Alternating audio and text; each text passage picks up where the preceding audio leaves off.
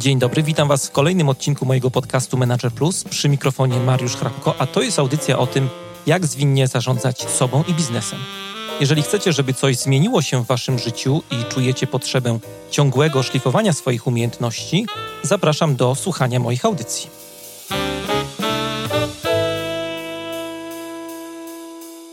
To jest podcast Manager Plus. Dzisiaj w audycji będziemy rozmawiali o tym, jak lepiej zarządzać sobą, żeby lepiej zarządzać ludźmi. Z tej okazji do programu zaprosiłem e, Michała Pasterskiego, autora jednego z najbardziej popularnych w Polsce blogów na temat rozwoju osobistego, edukacji, założyciela firmy Life Architect, e, która zajmuje się projektowaniem i tworzeniem takich alternatywnych narzędzi e, edukacyjnych. Witam Cię, Michale, bardzo serdecznie. Ogromnie cieszę się, że przyjąłeś zaproszenie do naszej rozmowy. Cześć Mariusz, bardzo dziękuję za zaproszenie, jest mi bardzo miło. To na początek mam takie pytanie. Jakich y, przymiotników użyłbyś do opisania procesu takiego dobrego życia? O kurczę, to jest y, trudne pytanie jak na, jak na początek, ale, mhm. E, ale podoba mi się. Mm, jak najbardziej mi się podoba. Dobre życie. Mm, okej. Okay. Myślę, że przede wszystkim dobre życie to jest życie, które jest przeżyte w sposób pełny i mam tutaj na myśli coś takiego, że gdy żyjemy w sposób pełny, to e, doświadczamy jak największej możliwej e, liczby doświadczeń, które może mieć człowiek. E, zarówno związanych doświadczeń z miłością, z relacjami, z pewnym, pewnymi przygodami czy podróżami, uczeniem się, e, ale również tymi mniej atrakcyjnymi kawałkami życia, takimi jak, e, jak, jak smutek czy pewne trudne chwile, e, to co również sprawia, że, że czujemy, że żyjemy, a co nie zawsze jest, jest, jest bardzo przyjemne. Więc ta pełnia dotyczy zarówno tych pozytywnych, jak i tych mniej pozytywnych aspektów życia, ale dla mnie takie pełne życie to jest życie, w którym jest miejsce na wszystko. Mhm. Więc na pewno to. E, powiedziałbym jeszcze, że dobre życie to jest życie świadome, czyli takie życie, w którym ja e, rozumiem siebie, w którym ja wiem, czego potrzebuję, w którym ja znam siebie dobrze. Jestem też świadomy tego, co sprawia, że ja jestem człowiekiem szczęśliwym. E, jestem świadomy tego, co sprawia, że e, żyje mi się trudniej lub e, mam gorsze dni. Także, także tak, życie świadome to na pewno dla mnie jest życie dobre. I co jeszcze bym powiedział? Myślę, że dla mnie takim ważnym przymiotnikiem jest też radość, radość życia, żeby to było życie radosne. Mhm. I niezależnie od tego, czy to życie jest proste czy trudne, bo nie zawsze mamy szczęście w życiu i nie zawsze uda nam się tak urodzić w takim miejscu i w takim czasie, żeby to życie było wyjątkowo wygodne. To jednak ta radość życia dla mnie jest, ja ją widzę nawet wśród osób, które, które nie mają dużego szczęścia w życiu i miałem okazję trochę podróżować i widzieć ludzi, którzy pomimo bardzo prostego życia emanują tą radością i to jest dla mnie piękne. Więc myślę, że są takie trzy rzeczy, które jako pierwsze przychodzą mi do głowy. Takie rzeczy, które też są bardzo cenne w kontekście dobrego życia lidera, bo o tym chcemy też porozmawiać trochę. Ja sobie założyłem, jeśli chodzi o temat tej rozmowy, że to jest taki obszar bardzo zaniedbany w sumie, jeśli chodzi o naszych współczesnych liderów. Koncentrujemy się często na zespołach, na organizacjach, a tak naprawdę to wszystko zaczyna się gdzieś tam w środku, zaczyna się od nas i ten jeden z elementów, o których wymieniłeś, właśnie świadomość świadome życie, wydaje mi się, że to jest coś, czego bardzo brakuje, bo pędzimy cały czas do przodu y, i mm. chcemy mówić o zarządzaniu sobą. Te aspekty zarządzania sobą mogą być bardzo różne, bo możemy mówić o właśnie budowaniu takiej autoświadomości, możemy mówić o jakiejś empatycznej komunikacji, o wzmacnianiu inteligencji emocjonalnej, możemy mówić o budowaniu takiego świata naszego wnętrza, wizji naszych życiowych wartości.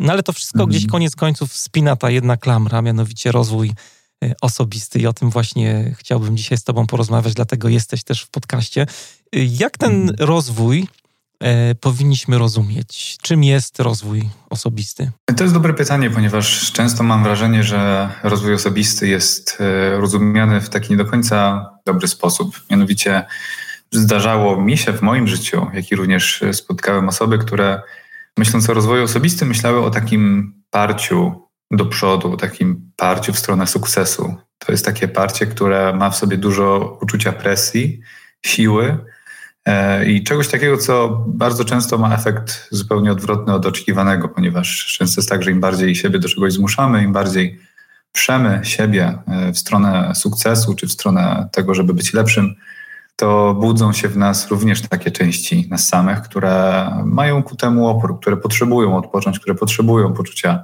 e, stagnacji czy spokoju i to też jest absolutnie ważna potrzeba w naszym życiu. I e, dlatego chciałbym zaproponować trochę inne spojrzenie na rozwój osobisty. Mhm. Dla mnie to jest tożsame z takim pojęciem samorealizacji. To jest pojęcie, które jest bardzo obecne w pracy słynnych psychoterapeutów, takich jak e, Abraham Maslow, czy, czy Carl Jung, czy e, Carl, Carl Rogers.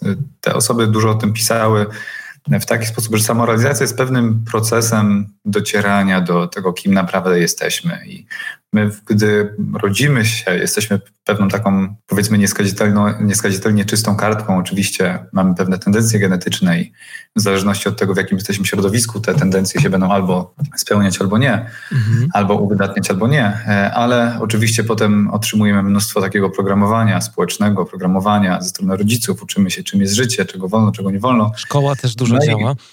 Oczywiście, szkoła tutaj też e, pełni bardzo ważną rolę. E, I, no i później, gdy, gdy jesteśmy już dorośli w tym dorosłym życiu, dla mnie samorealizacja jest pewnym procesem odklejania się od e, tych wszystkich takich sztucznych często sposobów myślenia, które oddalają nas od tej naszej prawdziwej natury. Jakkolwiek byśmy tego nie rozumieli, mam tutaj na myśli to, kim jesteśmy, gdy obierzemy tą cebulkę, gdy obierzemy te wszystkie wyuczone schematy, przekonania, nawyki.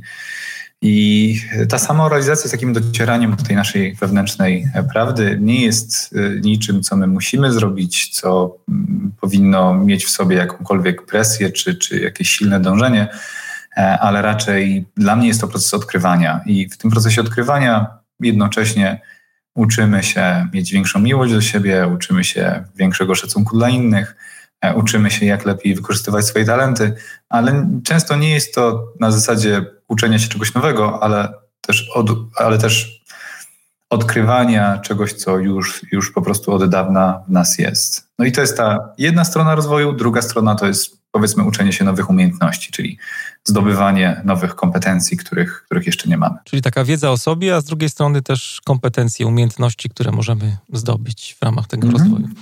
Dokładnie. Tak chciałem bardzo, żebyś powiedział o, to, czym, o tym, czym jest, czym jest e, rozwój osobisty, bo wydaje mi się, że to jest trochę tak jak z coachingiem. Te, te słowa mają takie bardzo wciąż pejoratywne znaczenie w naszym kraju, mają taki tak. E, czarny PR. E, często właśnie jak osoby słyszą rozwój osobisty, to wyłączają czy to podcast, czy przestają czytać wpis na blogu. Mm. E, całkiem niesłusznie. Dzisiaj mamy rozmawiać właśnie o rozwoju osobistym liderów i chciałbym zapytać e, o to, od czego taki lider, który ma gdzieś tam e, w swojej głowie, czy pojawiło się w jego głowie chcieństwo zmiany, wie, że chciałby trochę popracować nad sobą, od czego powinien zacząć? Jaki powinien zrobić pierwszy krok w kierunku tego samorozwijania się? Wiesz Mariusz, wydaje mi się, że e, na początku bardzo ważne jest to, żeby zdać sobie sprawę z tego, w jakim jesteśmy miejscu oraz do czego chcemy dążyć. I to są takie dwa podstawowe kroki, które należy wykonać, żebyśmy mieli przede wszystkim świadomość tego, po co w ogóle chcemy zaangażować się w ten rozwój osobisty, jaki jest nasz cel, czego nam brakuje w życiu, do czego my chcemy dążyć, czyli gdzie jesteśmy teraz i gdzie chcemy dotrzeć. No i to są oczywiście takie dwa bardzo coachingowe pytania, od których zaczynamy, gdy zaczynamy jakikolwiek proces e, pracy z coachem, e, czy proces e, własnej pracy nad sobą. Natomiast oczywiście również w psychoterapii to też jest ważne. Po coś przychodzimy na terapię, mamy jakiś cel, coś nam w tej chwili w życiu nie pasuje, coś nas boli, jest nam trudno i chcemy się od tego uwolnić. Więc ja zawsze myślę, że tym pierwszym krokiem powinno być zrozumienie, gdzie ja teraz jestem, co mi w życiu pasuje, co mi w życiu nie pasuje, co jest dla mnie trudne, co chcę z tym zrobić, gdzie chcę dotrzeć i, i jaki jest mój cel. Myślę, że od tego warto zacząć. Wspominałeś o terapii, o coachingu. Ty, z tego co wiem, używasz y, tych dwóch, nie wiem, podejść, narzędzi nie wiem, czy to są dobre mm. słowa, i coaching, i z drugiej strony terapia? Czy do takiej właśnie autodiagnozy potrzebny jest ktoś z zewnątrz? Potrzebna jest jakaś pomoc na początku, czy możemy to zrobić sami? Mm. Po prostu siadając i gdzieś tam znajdując czas dla siebie. Wiesz co, jak najbardziej jest to coś, co możemy zrobić sami. Choć e, wiadomo, że taka praca samemu ze sobą, e, czy to jest to praca takie, taka, taka auto-coachingowa, czy autoterapeutyczna, ona zawsze będzie miała pewne ograniczenia, ponieważ y, nasz mózg jest w taki sposób zbudowany, że mamy takie trochę. Mm, nie wiem, jak to y, dokładnie przetłumaczyć w języku polskim, ale mm, po angielsku nazywa się to blind spot, taka, taka, taka nie wiem, ślepy punkt, powiedzmy, który, który mamy mhm. w, w naszej własnej psychice, który sprawia, że my pewnych rzeczy nie zauważymy, e, ponieważ jesteśmy na tyle sklejeni, na tyle z, zmieszani zmiksowani z e, jakimiś naszymi emocjami, że czasami trudno jest nam wyjść z tego i spojrzeć na samych siebie zupełnie z boku. Więc e, ja absolutnie zawsze i wszędzie będę zachęcał do tego, żeby wybrać się do kogoś, żeby rzeczywiście porozmawiać, czy to z terapeutą, czy to z coachem, żeby e, uzyskać tą inną perspektywę, żeby usłyszeć, jak ktoś nas widzi albo jaki ma dla nas feedback, albo żeby nam po prostu zadał pytanie, które pozwoli nam samym zobaczyć coś w sobie, czego my sami nie widzimy. Natomiast absolutnie to nie znaczy, że sami ze sobą nie jesteśmy w stanie wykonać naprawdę bardzo ważnej i wartościowej pracy. I, i, i tak naprawdę w moim życiu tak to wyglądało, że przez pierwsze mm, dobre kilka lat y, ja pracowałem wyłącznie sam ze sobą i w sumie nie wiem dlaczego. Czy, czy, czy, czy wtedy jeszcze te tematy nie były na tyle powszechne w Polsce, że nie za bardzo było do kogo iść, czy po prostu mm, ja jakby nie miałem świadomości, że, że warto albo że mogę. E, ale gdy zainteresowałem się tematem psychologii i e, ludzkiego mózgu w drugiej klasie liceum ogólnokształcącego, czyli około, e, to było chyba z 14 lat temu, wydaje mi się, to no, przez te kilka lat działałem zupełnie samodzielnie i zajęło mi to sporo czasu, żeby wyjść z takich moich największych trudności wtedy, ale było to dla mnie jak najbardziej możliwe. Oczywiście wymagało to bardzo aktywnej regularnej regularnego wglądu w siebie, czytania książek, wykonywania ćwiczeń, zastanawiania się nad różnymi pytaniami, które się rodziły w mojej głowie.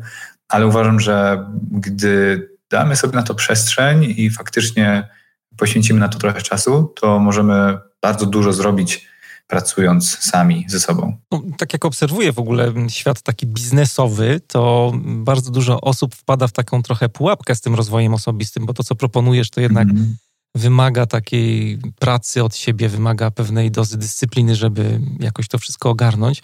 Ale bardzo dużo mhm. osób, y, no co tu dużo mówić, biega po różnych y, takich spędach motywacyjnych, czyta poradniki, y, chodzi na warsztaty, dotyka różnych motywacyjnych guru.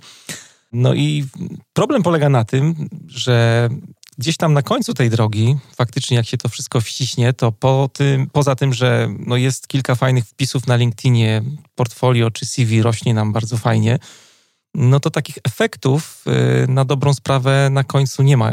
Ja przygotowując się do tej audycji naszej, do naszej rozmowy, to spotkałem się nawet z takim określeniem, które jak doczytałem, to Steve Pawlina, taki dość znany człowiek, jeśli chodzi o tak rozwój osobisty na świecie. Michał, jesteś znany u nas w Polsce, a na świecie Steve Pawlina jest takim Michałem, jeśli mogę mhm. takiej analogii użyć. E, self-help junkies, czyli taki, e, no można by to przetłumaczyć jako taki samopomocowy ćpun.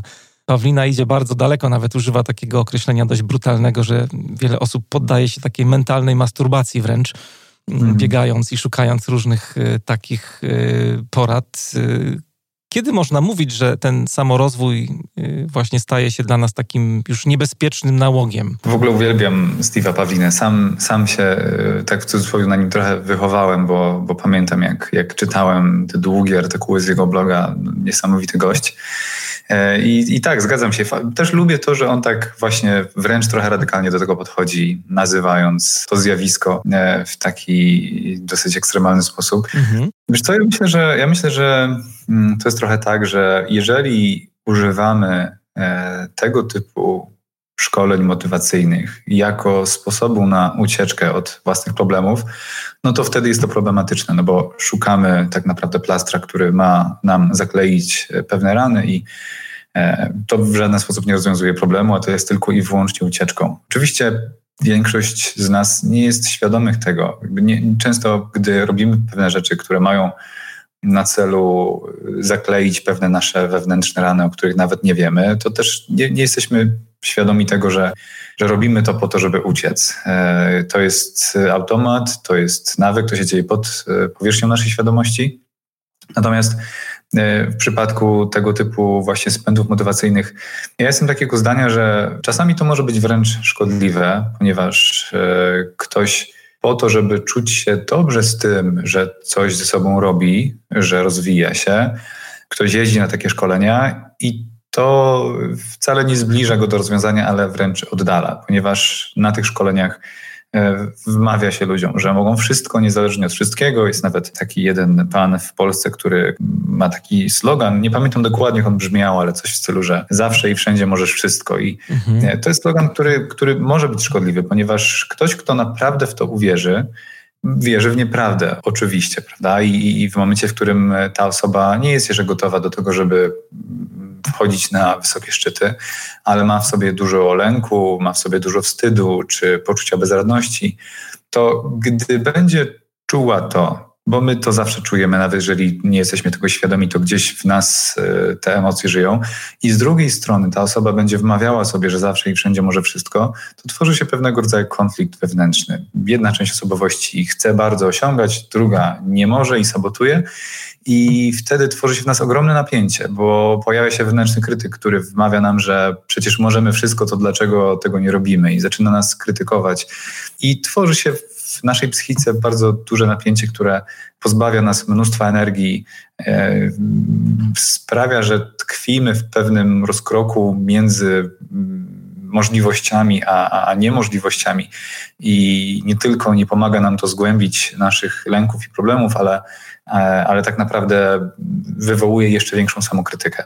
Także... Pojawia się też taka iluzja trochę, nie? że z jednej strony można sięgnąć po taką pigułkę i łatwo i szybko dostać to, czego potrzebuje, osiągnąć jakąś poprawę, a, mm. a druga iluzja chyba gorsza jest taka, E, o której też wspominasz w swojej książce, to to, że mm, rozwiązanie danego problemu, który mamy ze sobą, jest gdzieś poza nami, nie? na zewnątrz człowieka. I to w zasadzie tak. odbiera nam taką kontrolę nad własnym życiem, pozbawia nas energii, siły. Trochę jest taka też łatwowierność z tym związana. Mm, ja pamiętam, że sobie podkreśliłem cytat Miltona Eriksona, który przywołałeś E, hipnoterapeutę w mhm. swojej książce, że rozwiązanie każdego problemu jest w nas samych. To dość takie e, mocne też słowa i dające dużo do myślenia na temat Tak, już ja tutaj yy, tylko, tylko dodam, że ten cytat brzmiał delikatnie inaczej. Mhm. Yy, mianowicie rozwiązanie problemu jest w nim samym. Czyli mhm. nie chodzi o to, że on jest ogólnie w nas, ale że, on, że rozwiązanie tego problemu jest w nim samym. Co oznacza, że żeby zamiast uciekać od e, jakiejś emocji czy od jakiegoś, jakiejś trudności, którą sobie mamy, powinniśmy szukać dokładnie w niej, czyli e, już nawet nie szukać tego rozwiązania gdzieś indziej w nas poprzez zadawanie sobie pytań, co możemy z tym zrobić na przykład, ale żeby wręcz zanurzyć się w to trudne uczucie, które nam przeszkadza, pobyć sobie z nim, zaakceptować je, zgłębić je i to tam odnajdziemy rozwiązanie. Ponieważ na przykład jeżeli e, doświadczamy ogromnej złości na kogoś, e, ponieważ ktoś zrobił coś, co zupełnie było nie po naszej myśli, to jeżeli chcemy dowiedzieć się, skąd ta złość się bierze, to potrzebujemy pobyć z tą złością, potrzebujemy e, zastanowić się, dlaczego ja to czuję, gdzie ja to czuję, co się stało zanim ja to poczułem, co się stało po tym, jak to poczułem. I nagle możemy zdać sobie sprawę z tego, że wynika to z tego, że ja na przykład bardzo potrzebuję mieć poczucie kontroli. I gdy ktoś robi coś, czego ja nie mogę kontrolować, kiedy ktoś robi coś, co jakby wymyka się spod mojej kontroli, to we mnie pojawia się uczucie złości. I poprzez wejście w tą złość i zgłębienie jej, ja jestem w stanie właśnie znaleźć to rozwiązanie problemu, które jest w tej złości. Jak sobie myślimy też o rozwoju osobistym, to chciałbym Cię dopytać, czy jest jakiś zestaw warunków, które muszą zostać spełnione, żeby e, taki rozwój faktycznie miał szansę zadziałać, na przykład w przypadku lidera? Co, nie przychodzą mi do głowy żadne konkretne warunki, ponieważ myślę, że każdy mały kroczek y, jest korzystny i jest wartościowy. Nawet jeżeli błądzimy w naszym własnym autosabotażu czy oszukiwaniu samego siebie, jedziemy na szkolenie e, motywacyjne, na którym ktoś nam mówi, że możemy wszystko, to e, może się zdarzyć, że, że takie szkolenie również nam coś do życia wniesie. Może być tak, że, że kogoś poznamy, że coś usłyszymy, że jakieś jedno zdanie nam zapadnie w pamięci, które akurat było bardzo wartościowe i mądre. I, I, oczywiście są pewne zasady, które są potrzebne, żeby naprawdę zajrzeć głęboko w siebie i, i ruszyć tą ścieżką tak porządnie ale absolutnie nie myślę, że, e, że, to, że ta praktyka rozwoju osobistego jest dostępna tylko dla osób, które spełniają jakieś warunki. Myślę, że każdy to może robić, jeżeli ma taką gotowość, żeby, ma, ma po prostu taką motywację i chęć, potrzebę, żeby, żeby coś zmienić. Może to jest takim właśnie warunkiem, taka potrzeba, żeby, żeby coś się zmieniło. Taka wręcz czasami jest ta potrzeba, ma formę frustracji, uczucie frustracji, które nas popycha do tego, żebyśmy coś zmienili, coś zrobili ze sobą, ze swoim życiem, żebyśmy czemuś się przyjrzeli. I oczywiście zdarza się, że my tą frustrację znowu e, wypieramy, unikamy jej, czy robimy wszystko, żeby tylko jej nie czuć. A jest to bardzo ważne, żeby pozwolić sobie na to, żeby poczuć frustrację, ponieważ złość i frustracja to jest często bardzo silna moc, która popycha nas do zmiany. I gdy tego nie czujemy, to możemy równie dobrze przez lata tkwić w jednym miejscu, bo, bo boimy się doświadczyć naprawdę głębokiej frustracji w swoim życiu. Pytałem o warunki, ale tak chciałbym pójść dalej i zapytać, czy do takiej zmiany życiowej powinniśmy się jakoś przygotowywać. Jak sobie myślałem o tym, to przyszła mi tutaj do głowy taka trochę analogia z wycieczką. Mówiłeś, że dużo podróżujesz, czy na przykład jak chcemy wyjechać do Tajlandii, to mm, trzeba się do tej wyprawy jakoś przygotowywać, czy nie? Niektórzy tak robią kupują chociażby bilet, niektórzy nie rezerwują e, hotelu. Trzeba mieć jakiś plan działania do zmiany? Nie jestem zwolennikiem tego, żeby tworzyć plan działania do zmiany, ponieważ, to znaczy to zależy, czy mówimy tutaj o zmianie wewnętrznej, czy o zmianie w naszym świecie zewnętrznym. Bo jeżeli mówimy o, świecie, o zmianie w świecie zewnętrznym, typu zmiana pracy, zmiana partnera, e, typu przeprowadzenie się do innego miasta, to absolutnie oczywiście przygotowanie jest bardzo konieczne i bardzo potrzebne. Natomiast jeżeli mówimy o tym, żeby, wyjść, żeby wyruszyć e, na, w drogę samoobserwacji, samoeksploracji, to nie byłbym za tym, żeby tworzyć jakiś szczegółowy plan takiej podróży, ponieważ ten plan z góry wpłynie na to doświadczenie, które będziemy mieli. Tak w metodzie Insight ja zawsze proponuję, że gdy wykonujemy jakieś ćwiczenie, gdy stosujemy jakąś konkretną metodę, żeby nie zakładać, co się wydarzy, żeby nie planować, jak ta metoda powinna nam pomóc, ponieważ gdy zaglądamy w siebie, to nigdy nie wiemy, co do nas przyjdzie, nigdy nie wiemy, jaka emocja będzie aktywna, jakie uczucie się w nas obudzi. I posiadając taki otwarty umysł i zaglądając w siebie, możemy często napotkać rzeczy, których zupełnie się nie spodziewaliśmy. Więc gdy wyruszamy w taką podróż, czy to za pomocą jakichś metod, które będziemy stosować samodzielnie, czy to idziemy do psychoterapeuty, czy wybieramy się do coacha, czy jeszcze do kogoś innego.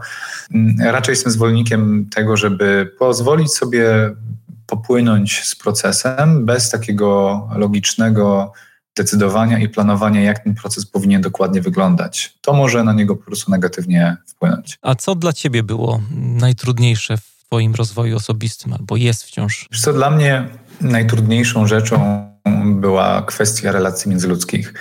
E, ja, gdy jeszcze byłem w gimnazjum, w szkole gimnazjalnej, zanim poszedłem do liceum ogólnokształcącego, byłem, byłem bardzo, bardzo nieśmiałym chłopakiem. Naprawdę do tego stopnia, że hmm. gdy miałem porozmawiać z jakąś dziewczyną, to po prostu czułem, jak zżerało mi coś od środka i, i, i naprawdę było to bardzo nieprzyjemne. Nalałeś dużo glukozy. Tak, tak. No, było, to, było to dla mnie naprawdę e, stresujące doświadczenie. W ogóle rozmawianie z innymi, poznawanie ludzi i tak dalej. I mm, zmagałem się z tym długo i, i, i jakby w tej chwili czuję, że przydam ogromną, ogromną drogę i e, jestem wręcz sam zaskoczony, jak, jak, jak łatwo jest mi nawiązywać kontakty, wychodzić z inicjatywą i wchodzić w głębokie relacje. E, ale kiedyś e, poradzenie sobie to było dla mnie dużym wyzwaniem i to się oczywiście wiązało z y, poczuciem niskiej wartości, z takim strachem, że zostanę oceniony, były to kwestie, których nie byłem w stanie w żaden sposób zmienić za pomocą coachingu. Tego była mi potrzebna terapia i w dużej mierze udało mi się to zrobić za pomocą autoterapii, czyli mojej własnej pracy przez kilka lat, e, ale taka, takie powiedzmy mm, kropki nad i czy wisienki na torcie udało mi się postawić, gdy, gdy wybrałem się w, na psychoterapię i gdy mogłem z kimś popracować nad tymi pozostałościami, tymi emocjami, które jeszcze gdzieś tam głęboko, głęboko siedziały i zostały do tej pory odkryte przeze mnie. A mógłbyś podpowiedzieć słuchaczom, bo na pewno takie pytania w niejednej głowie się rodzą. Załóżmy, że ktoś chciałby pójść na taką psychoterapię. Wiele osób, jak e, rozmawiam sobie z nimi na ten temat, to wskazuje na temat zaufania i trudności w wyborze takiej osoby. Na co powinniśmy zwracać uwagę, albo jak wybierać takiego psychoterapeutę, bo rynek nas zalewa tutaj różnymi osobami. Mm -hmm różnymi e, biografiami i stronami. Mhm. E, czym się powinniśmy kierować, żeby sobie wybrać takiego terapeutę, który będzie też nam jakoś współgrał z, i zbudujemy też relację zaufania z taką osobą? Pewnie, pewnie. To jest bardzo, bardzo dobre pytanie i dziękuję Ci, Mariusz, za nie, ponieważ też uważam, że powinniśmy o tym, o tym głośno mówić i pomagać ludziom e, w tym wyborze. Wiesz co, wydaje mi się, że mm, oczywiście na pewno często takim pierwszym, pierwszą taką zagadką dla ludzi jest to, jaką metodę wybrać psychoterapii. Czy to ma być e, kognitywno-behawioralna, czy ma być to e, psychodynamiczna, czy, czy, czy jeszcze jakaś inna, systemowa i tak dalej. To nie jest aż tak istotne. E, badania pokazują, że większość tego efektu psychoterapeutycznego za większość tego efektu psychoterapeutycznego jest odpowiedzialny, jest odpowiedzialna osoba psychoterapeuty. I, i to, czy ona jest osobą empatyczną, czy słucha uważnie, czy umie naprawdę utrzymywać ten, ten stan otwartego serca, otwartego umysłu i, i być tym wsparciem, który nie czuje, nie jest obciąża, obciążany tymi emocjami i tak dalej, i tak. Jest, jest, jest cała masa różnych takich cech, które, które dobry psychoterapeuta powinien mieć. Więc y, na pewno warto się skupić nie tyle na samej metodzie, co na samej osobie psychoterapeuty. No i tutaj mm, ja wychodzę z założenia, że warto, żeby kliknęło. I, i, I wiem, że to jest takie bardzo ogólne stwierdzenie, ale też mam wrażenie, że bardzo często e, ludzie od razu mają poczucie, co mam na myśli, mówiąc, że kliknęło. Jest to takie nasze intuicyjne odczucie, że, że, że, że tam coś gra w tej relacji, że, że to jest e, osoba, z którą będzie mi się dobrze pracować. E, trzeba tu oczywiście uważać na tak, też taką trochę ucieczkę naszego ego, w której spotykamy terapeutę, który jest dla nas po prostu miły, e, nie zadaje nam trudnych pytań i, i jest, jest nam z nim e, bezpiecznie i komfortowo, ponieważ nie jest on zbyt dużym zagrożeniem dla naszego sposobu myślenia czy naszej strefy komfortu. To też nie jest dobre, oczywiście, i, i też jest wielu takich psychoterapeutów, którzy są dobrymi słuchaczami, ale niekoniecznie dobrymi terapeutami. Więc ja wychodzę z założenia, że być może warto spotkać się z jednym, dwoma, trzema terapeutami i zobaczyć, z którym najlepiej nam się pracuje. Warto na pewno zapytać też tego terapeutę e, o to, w jaki sposób e, uczył się e, tego, tego swojego fachu, w jakiej, jakiej szkole był, czy korzysta z superwizji, jeżeli ktoś nie korzysta z superwizji, to, to, to warto uciekać e, od niego mhm. daleko. E, no i, i, gdzieś tam może porozmawiać trochę, zanim ta pierwsza sesja będzie lub na pierwszej sesji o tym, jak ta osoba pracuje, jak, jak, jak widzi w ogóle proces psychoterapii. E, myślę, że możemy wtedy zebrać trochę informacji, które pomogą nam poczuć, czy, czy to jest coś, w czym my chcemy brać udział, czy może niekoniecznie z nami to jakoś współgra. A jak już popłynęliśmy w tym kierunku, to jeszcze takie jedno pytanie mi się zrodziło. Ty jesteś mhm. osobą, która jakby pracuje używając tych dwóch narzędzi, o których wspominałem. Z jednej strony e, świadczysz praktykę terapeutyczną, tak? Jesteś terapeutą i z takiej pomocy u ciebie też można skorzystać. A z drugiej strony też jesteś coachem. Czym e, różnią się te, te dwa podejścia? Czy to jakoś można łączyć ze sobą, czy nie? Jakbyś parę mhm. słów mógł też słuchaczom powiedzieć takiego tak. wyjaśnienia. Pewnie, pewnie. Wiesz co, na początku jeszcze tylko chciałbym zaznaczyć, że ja nie jestem na tym etapie psychoterapeutą. Jest, jest to jego cała ścieżka, która jest jeszcze e, przede mną. Ale pracujesz Natomiast, na tym, żeby być, tak? Czy, czy nie? Tak, tak, jak najbardziej tak. I ja generalnie ukończyłem proces edukacji w jednym z modelów psychoterapii. To jest psychoterapia systemu wewnętrznej rodziny, w skrócie po angielsku IFS. Natomiast to jest stosunkowo nowa, nowatorska metoda psychoterapii i na tym etapie jeszcze odbycie tego procesu edukacji nie uprawnia mnie do nazywania siebie psychoterapeutą, mhm. więc tak siebie nie nazywam. E, natomiast ten, ten proces, e, proces pracy z częściami, proces pracy z systemem wewnętrznej rodziny e, jak najbardziej jest procesem terapeutycznym i jeżeli chodzi o różnice pomiędzy coachingiem a terapią, są, to, są tam różnice i są one bardzo duże i bardzo, bardzo znaczące. E, między innymi takie, że e, w pracy coachingowej raczej skupiamy się na teraźniejszości i na przyszłości.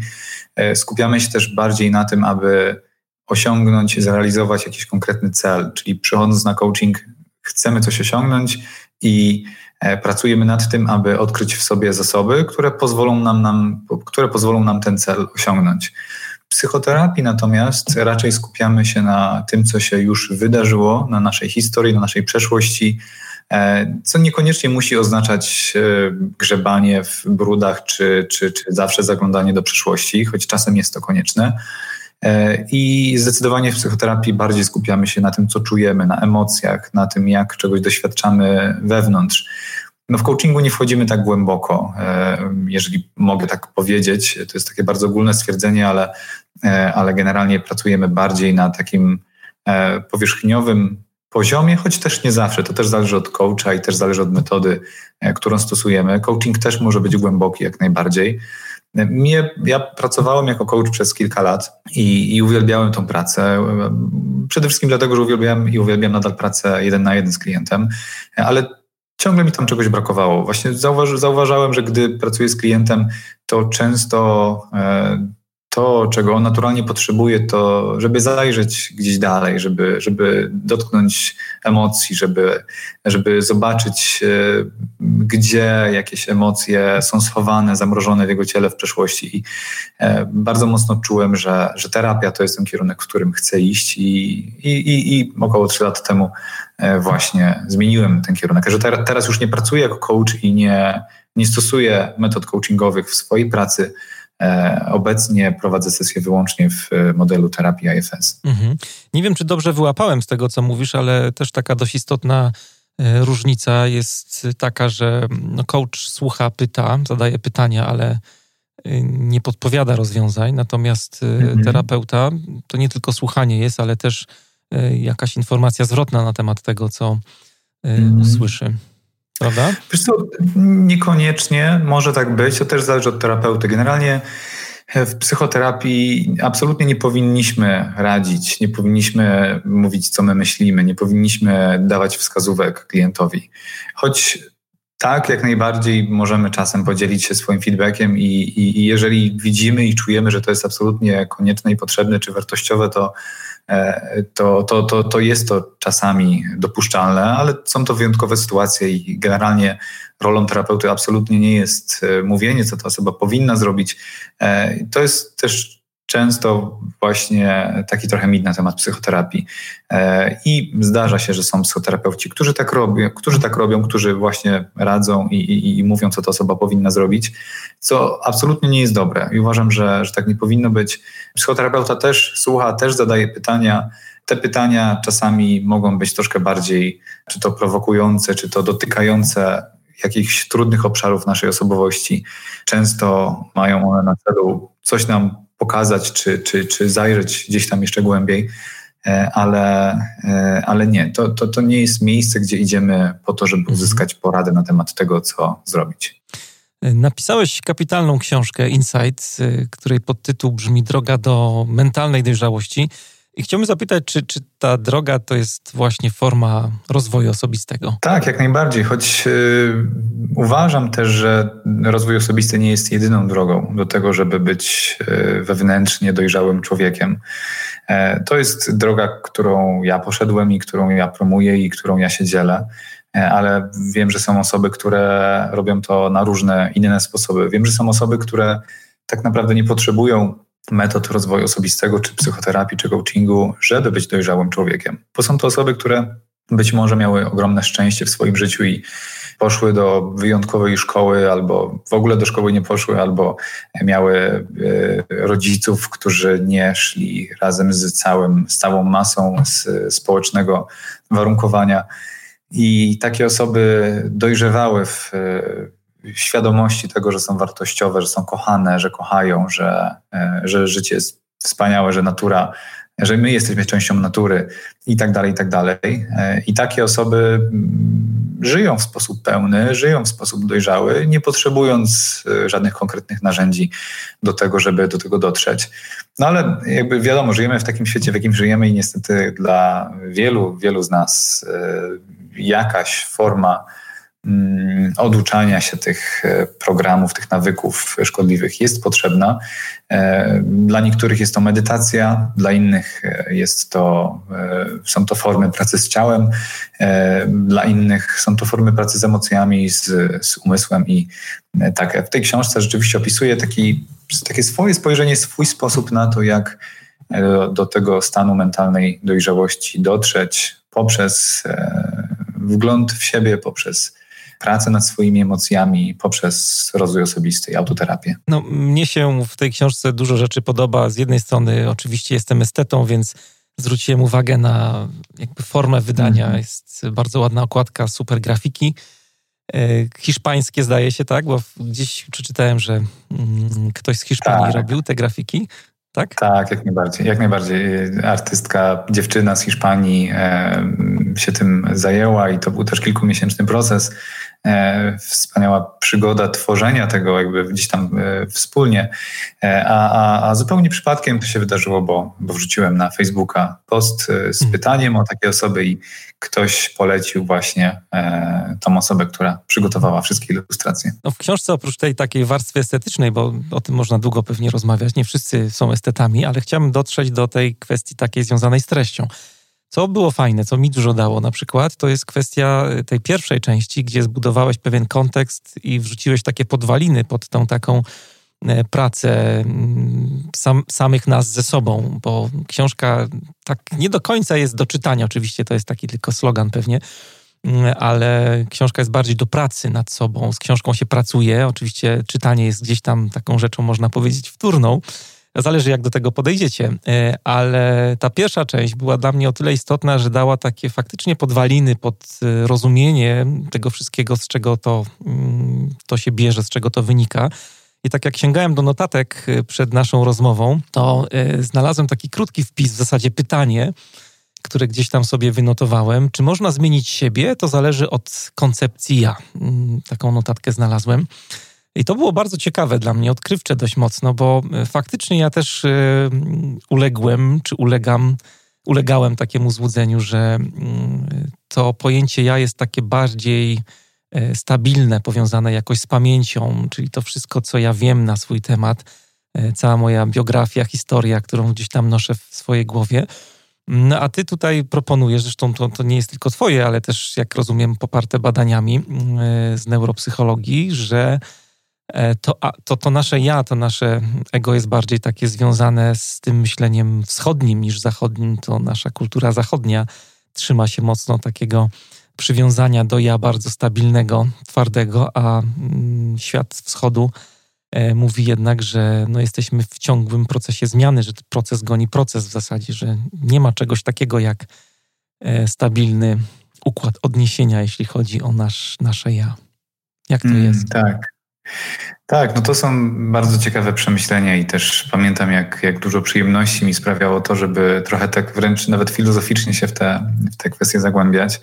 E, I zgadzam się, jak najbardziej w naszym tym świecie zachodnim, my myśląc o pojęciu ja, rozumiemy samych siebie z tą całą historią, przekonaniami, e, tym, co posiadamy, tym, w co wierzymy, i to wszystko tworzy tą naszą tożsamość.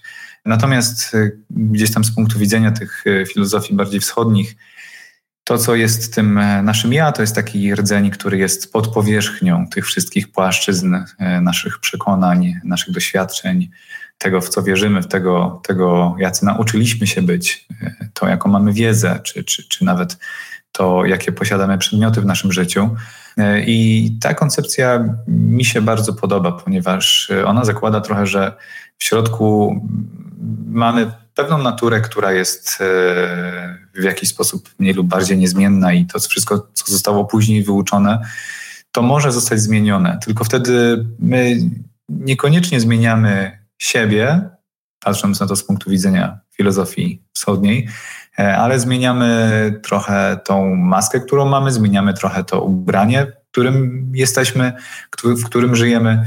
E, zmieniamy trochę to, co zostało nabyte w trakcie naszego życia, a to, co jest pod powierzchnią tego, do czego możemy dotrzeć, na przykład podczas medytacji, to jest y, pewna taka mm, stabilna, stała świadomość, która, która w nas tkwi. I ja też w książce proponuję takie spojrzenie, że poprzez pracę nad sobą możemy właśnie dokopywać się do tych naszych naturalnych, prawdziwych potrzeb. I e, to też nie jest tak, że nie uważam, że to było, żeby to było tak, że jest tam jakaś taka totalnie stała, niezmienna jakość tego naszego ja, która, do której my zawsze się możemy dokopać możemy to zawsze odkryć i, i, i, i to jest ta nasza prawdziwa natura, to też jest według mnie bardzo duże uproszczenie i, i też często osoby, które oddają się właśnie zgłębianiu filozofii buddyjskiej, trochę wpadają w pułapkę tego przekonania.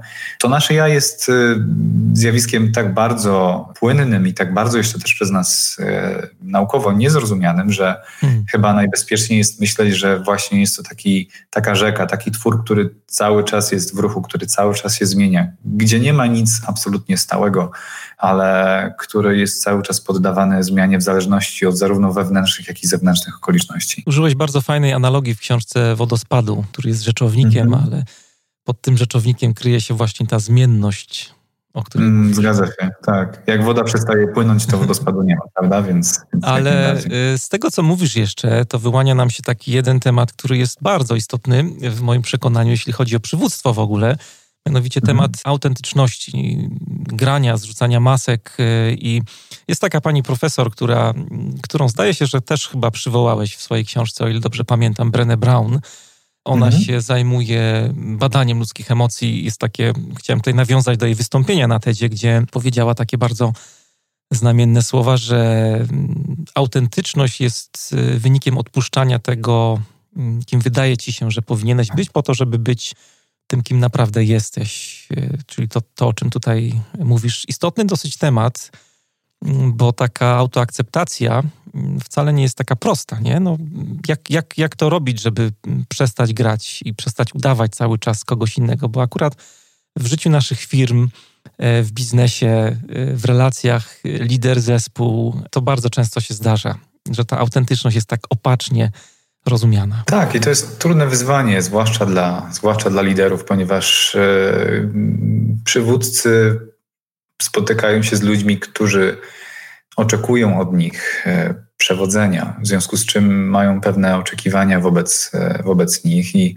gdy my doświadczamy takich oczekiwań lub gdy w naszej głowie jesteśmy świadomi tego, że ktoś ma wobec nas oczekiwania, to bardzo łatwo wpaść w pułapkę tego, żeby skupić się na zaspokajaniu tych oczekiwań. Zaspokajamy te oczekiwania poprzez właśnie e, zakładanie pewnych masek człowieka charyzmatycznego, człowieka pewnego siebie, człowieka, mhm. który zna odpowiedź na każde pytanie i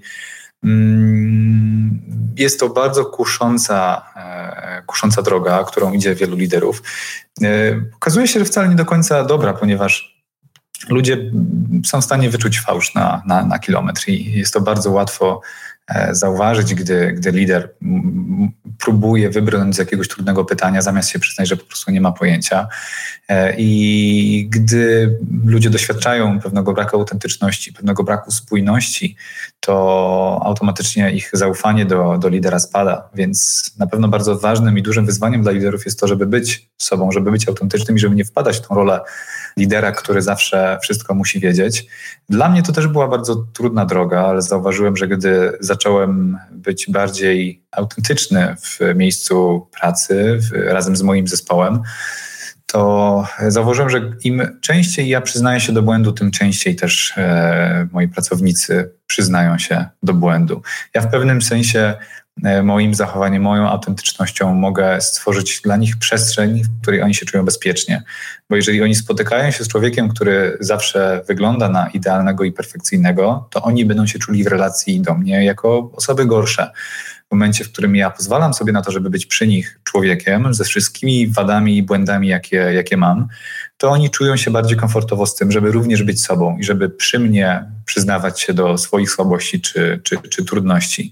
Wydaje mi się, że y, relacja stworzona na podstawie takiej autentyczności jest dużo silniejsza i lider, który jest autentyczny, ma dużo większą siłę jako lider, ponieważ ludzie chcą podążać za ludźmi z krwi i kości, a nie za e, maskami, które udają bycie perfekcyjnym.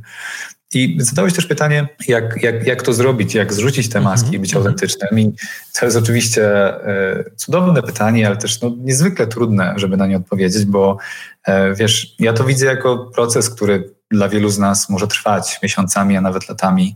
E, nie da się znaleźć na to pytanie takiej prostej odpowiedzi. E, ja bym zaczął od tego, żeby właśnie w procesie terapii czy coachingu przyglądać się tym zachowaniom i tym, tym, tym trybom mojej osobowości, które, które są nieautentyczne. Czyli na przykład, jeżeli ja próbuję być charyzmatyczny, ale charyzmatyczny nie jestem, no to w tym momencie okej, okay, mam takie zachowanie i dlaczego ja to robię? Czego się boję? Co się stanie, jeżeli ja nie będę charyzmatyczny? Może przyjdzie mi do głowy, że jak nie będę charyzmatyczny, to ludzie będą, nie będą mnie szanować, albo nie będą słuchać moich poleceń, albo cokolwiek jeszcze innego. I myślę, że warto zastanowić się nad tymi zachowaniami, które nie są spójne do końca z tym, kim naprawdę jesteśmy. I też to jest też duże wyzwanie, ponieważ czasami nawet y, wydaje nam się, że my tacy jesteśmy, ponieważ tak długo gramy w tą grę, że ta nasza maska hmm. stała się naszą twarzą, prawda? I, tak. i, i możemy wierzyć w to, że jesteśmy charyzmatyczni, e, ale to sprawia, że tracimy bardzo dużo energii, gdy tacy jesteśmy i że to nie jest nasz naturalny sposób bycia. Więc no na pewno jest to, jest to długa droga, ale myślę, że jedna z ważniejszych, bo nie tylko sprawia, że nie tylko to sprawia, że jesteśmy lepszymi liderami, ale przede wszystkim e, nam się łatwiej i przyjemniej żyje, gdy możemy być bardziej sobą. Tutaj przy tym temacie autentyczności jeszcze jest taka jedna rzecz, e, nie wiem, może pułapką moglibyśmy ją nazwać. E, mhm. Autentyczność, która, no tutaj mówimy o tym, że jest wynikiem odpuszczania i też takiej autoakceptacji. Może być tak, że możemy w tej akceptacji pójść tak daleko, E, mhm. no, że ta autoakceptacja obejmie też swoim zasięgiem różnego rodzaju nasze wady czy słabości i e, może być takie ryzyko, że sobie, no nie wiem, utrudnimy rozwój albo wręcz doprowadzimy do zatrzymania tego naszego e, rozwoju osobistego, czy taka akceptacja mhm. właśnie nie będzie oznaczała, że przestajemy jakoś nad sobą pracować, no bo możemy mhm. akceptować także te nasze złe, ciemne strony, które, które chcielibyśmy tak. zmieniać. To paradoks pewien się po, pojawił. Tak. Tak, to jest, to jest y, też ciekawe to, co mówisz, bo y, ja zauważyłem, że bardzo często ludzie nie decydują się, jakby nie, w ogóle nie chcą myśleć o akceptacji siebie, ponieważ boją się, że wtedy spoczną na laurach.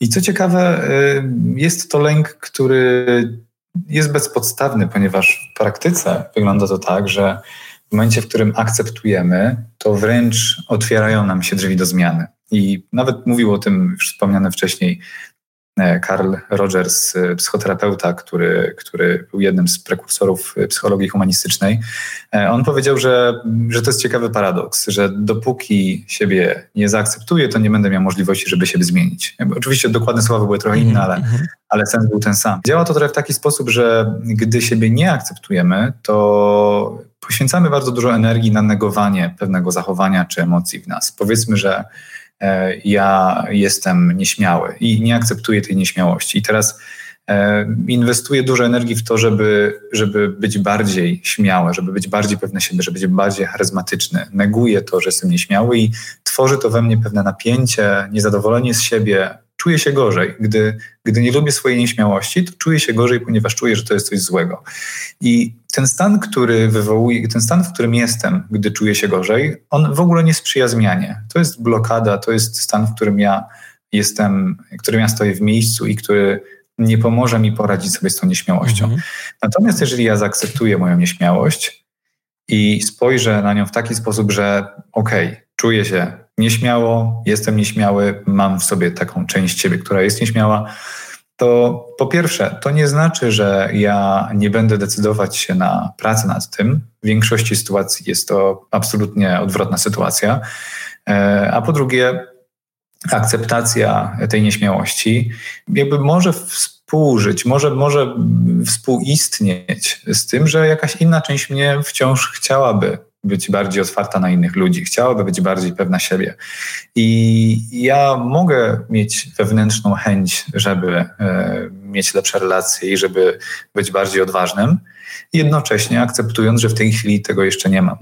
I w momencie, w którym akceptuję to, że e, powiedzmy tak jest, no to spada ze mnie całe to napięcie, spada ze mnie cała ta chęć walki ze sobą to sprawia, że czuję się lepiej, że moje ciało odpoczywa, że moja psychika się relaksuje e, i wtedy mogę zacząć pracować nad tą nieśmiałością z takiego punktu jest ok, tak jak jest, mhm. jest ok z tym, że mam tą nieśmiałość i teraz jestem gotów na to, żeby się temu naprawdę przyjrzeć, zrozumieć, e, żeby się tym zaopiekować, żeby coś z tym zrobić. I mhm. efekty, efekty są dużo lepsze, gdy faktycznie mogę podejść do tego z takim, z takim luźniejszym, bardziej otwartym podejściem niż taką potrzebą, przymusem do tego, żeby, żeby w sobie to zwalczyć. Jest takie jeszcze jedno zdanie, które po lekturze Twojej książki jakoś tak mocno rezonuje we mnie. E, je sobie wypisałem, że Wielu z nas boi się własnej wielkości, tak gdzieś tam napisałeś.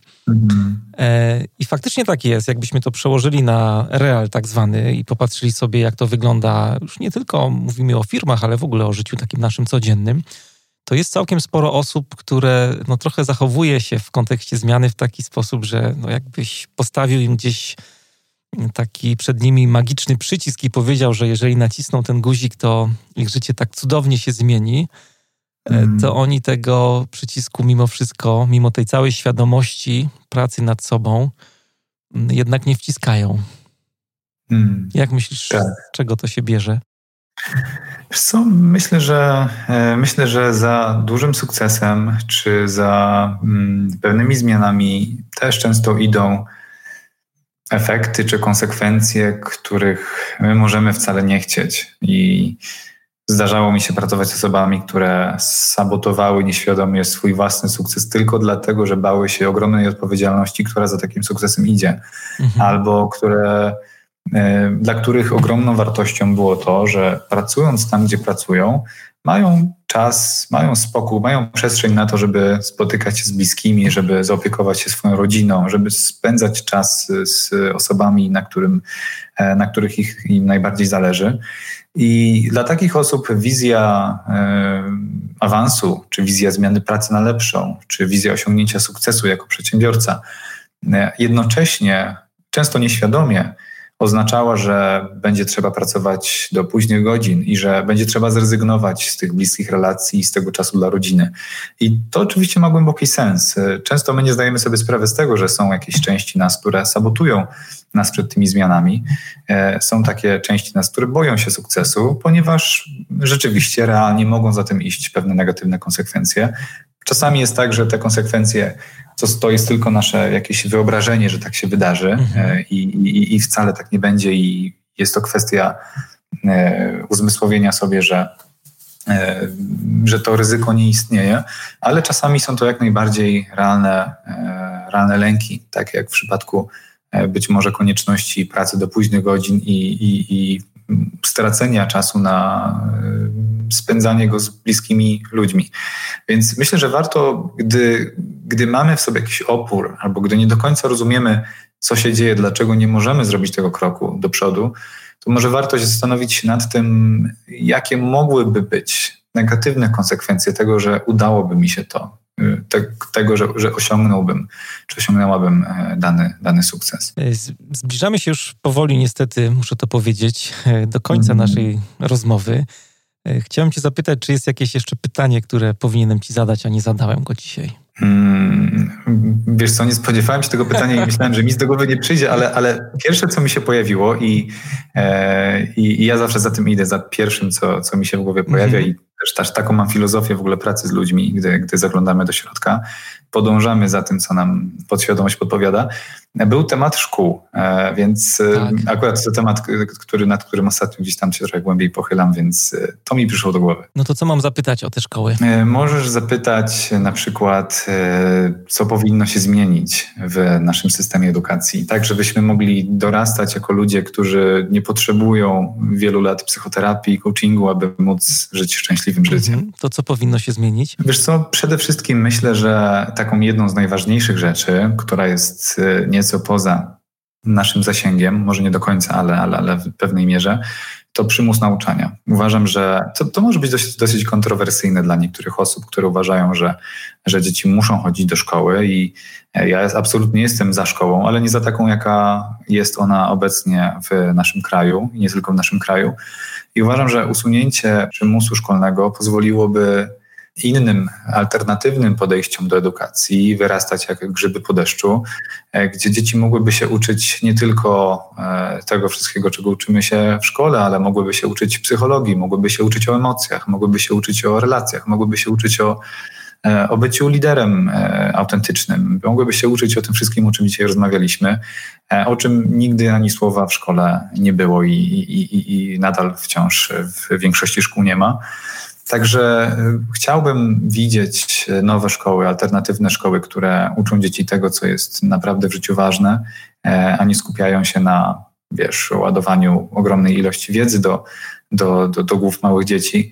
I e, no, ja zajmuję się tym swoją, swoim elementem tej misji i, i chcę stworzyć szkołę, która u, u, podstaw której będzie, będzie leżała psychologia i, i, i, program nauczania, który będzie bardzo odmienny od tego mm, głównego, ale wciąż dzieci będą musiały zdawać te obowiązkowe egzaminy, ponieważ jest to przymus szkolny, który w naszym kraju funkcjonuje, także e, na pewno nie jest to idealne rozwiązanie, ale wciąż uważam, że e, możemy zrobić dużo i jest to potrzebne, ponieważ bardzo wyraźnie widać, jak coraz więcej rodziców jest niezwykle sfrustrowanych tym, co się dzieje w naszych publicznych szkołach. No, to jest taki temat, za który jestem Ci bardzo wdzięczny i też wiem, że dużo o tym mówisz, piszesz.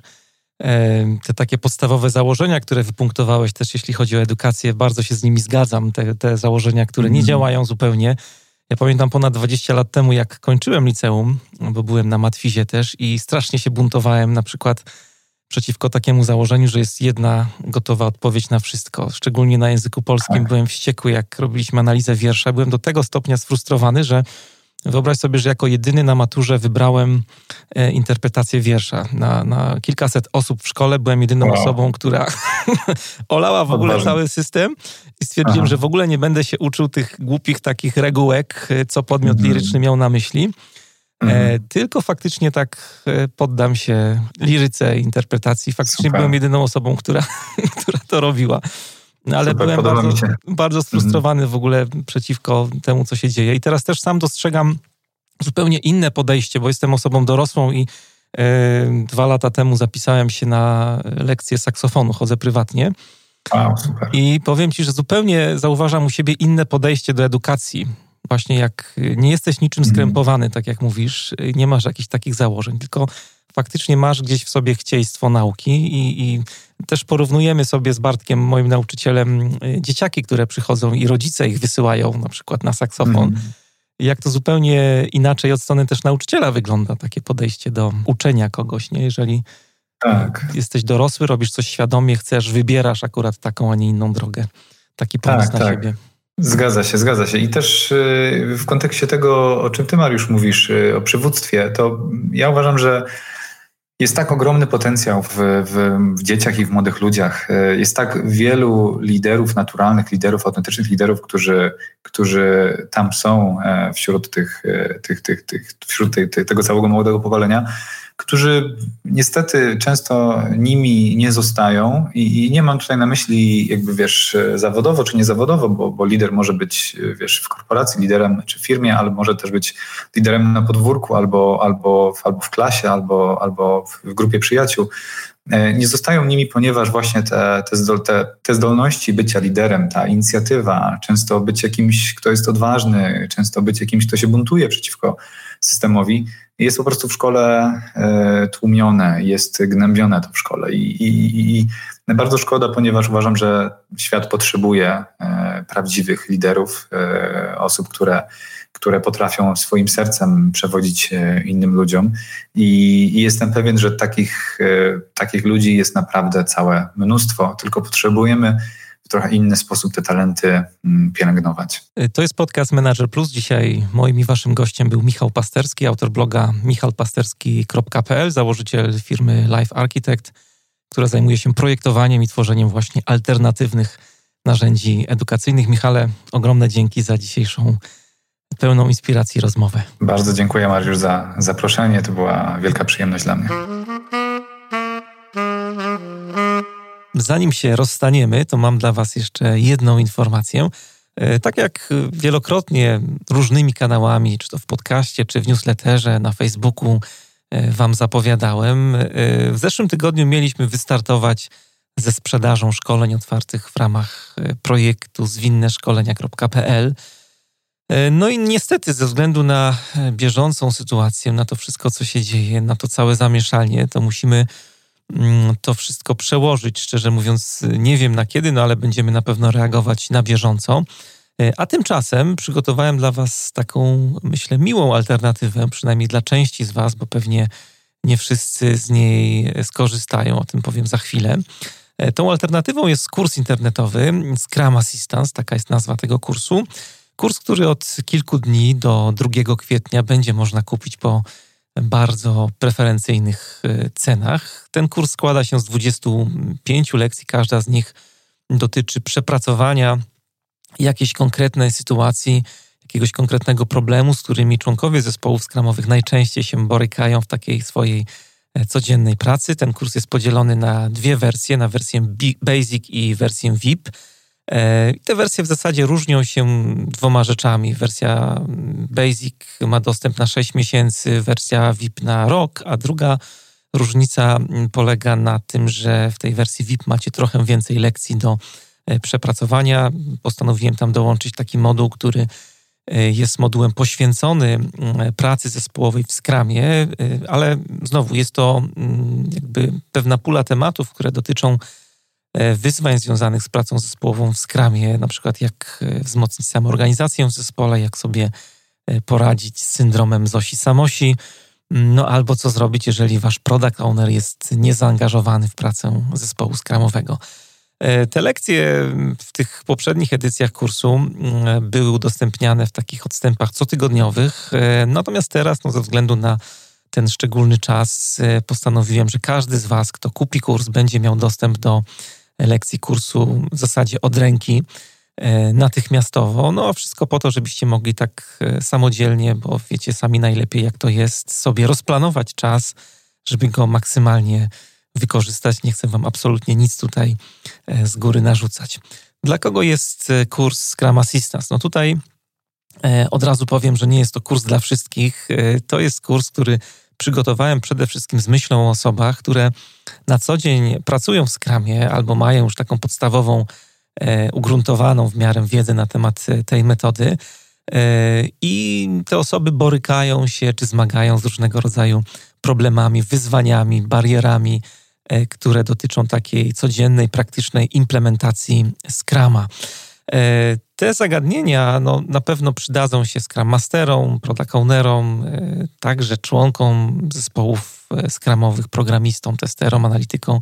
A więc cały Scrum Team na pewno z tego kursu skorzysta. No i wszystkie osoby, które, tak jak już mówiłem, mają taką podstawową wiedzę na temat tej metody, na przykład liderzy, którzy pracują w tej metodzie, E, Agile Coachowie też to jest taka mm, fajna grupa, która może skorzystać e, z tych lekcji. Natomiast osoby, które oczekują, że ten kurs jakoś ich wprowadzi w Scrama, powie im, czym ten Scrum jest, jak się w nim pracuje, to na pewno się rozczarują kupując ten kurs. Dlatego mm, tym osobom e, zdecydowanie mm, kurs Scrum Assistance odradzam.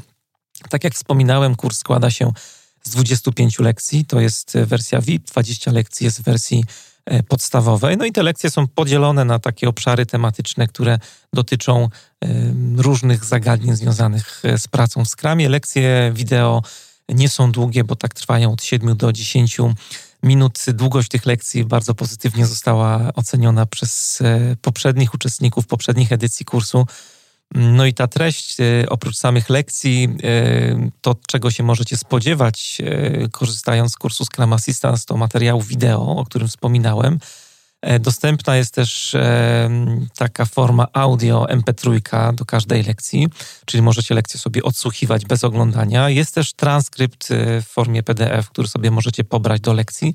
A więc każde tutaj, każdy zmysł jest, można powiedzieć, zaspokojony i też każda lekcja kończy się zadaniem domowym, zadaniem, które no, w niektórych sytuacjach mogą być trudne do wykonania, bo wymagają jakby pracy takiej z zespołem, a w obecnej sytuacji może być to pewne wyzwanie, ale jest sporo takich zadań domowych, które e, możecie spokojnie realizować sobie e, siedząc w domu i oglądając e, te lekcje. Tak jak wspominałem na początku, ten kurs w tym momencie jest dostępny mm, w bardzo preferencyjnych cenach. Przygotowałem dla obu pakietów obniżkę 50% i ta promocja potrwa do 2 kwietnia. Do 2 kwietnia będziecie mogli nabyć ten kurs właśnie w takich preferencyjnych cenach. Wszystkie szczegóły, to o czym Wam tutaj opowiadam, szczegółowy program, e, szczegółowe tematy, które będziemy przerabiać, warunki zakupu kursu. E, zebrałem też listę takich typowych pytań, które się pojawiają na temat właśnie kursu Scrum Assistant, takich od strony również takiej formalnej do ogarnięcia. To wszystko znajdziecie na stronie scrumassistance.pl. Oczywiście link do tej strony pojawi się w materiałach do dzisiejszej audycji. No i to już e, wszystko na dzisiaj. Życzę Wam dużo, dużo zdrowia i takiego e, produktywnego wykorzystania czasu, który, no przyznacie, w dość niefortunnych okolicznościach został nam podarowany. Ja się nazywam Mariusz Hrabko. Trzymajcie się i do usłyszenia niebawem.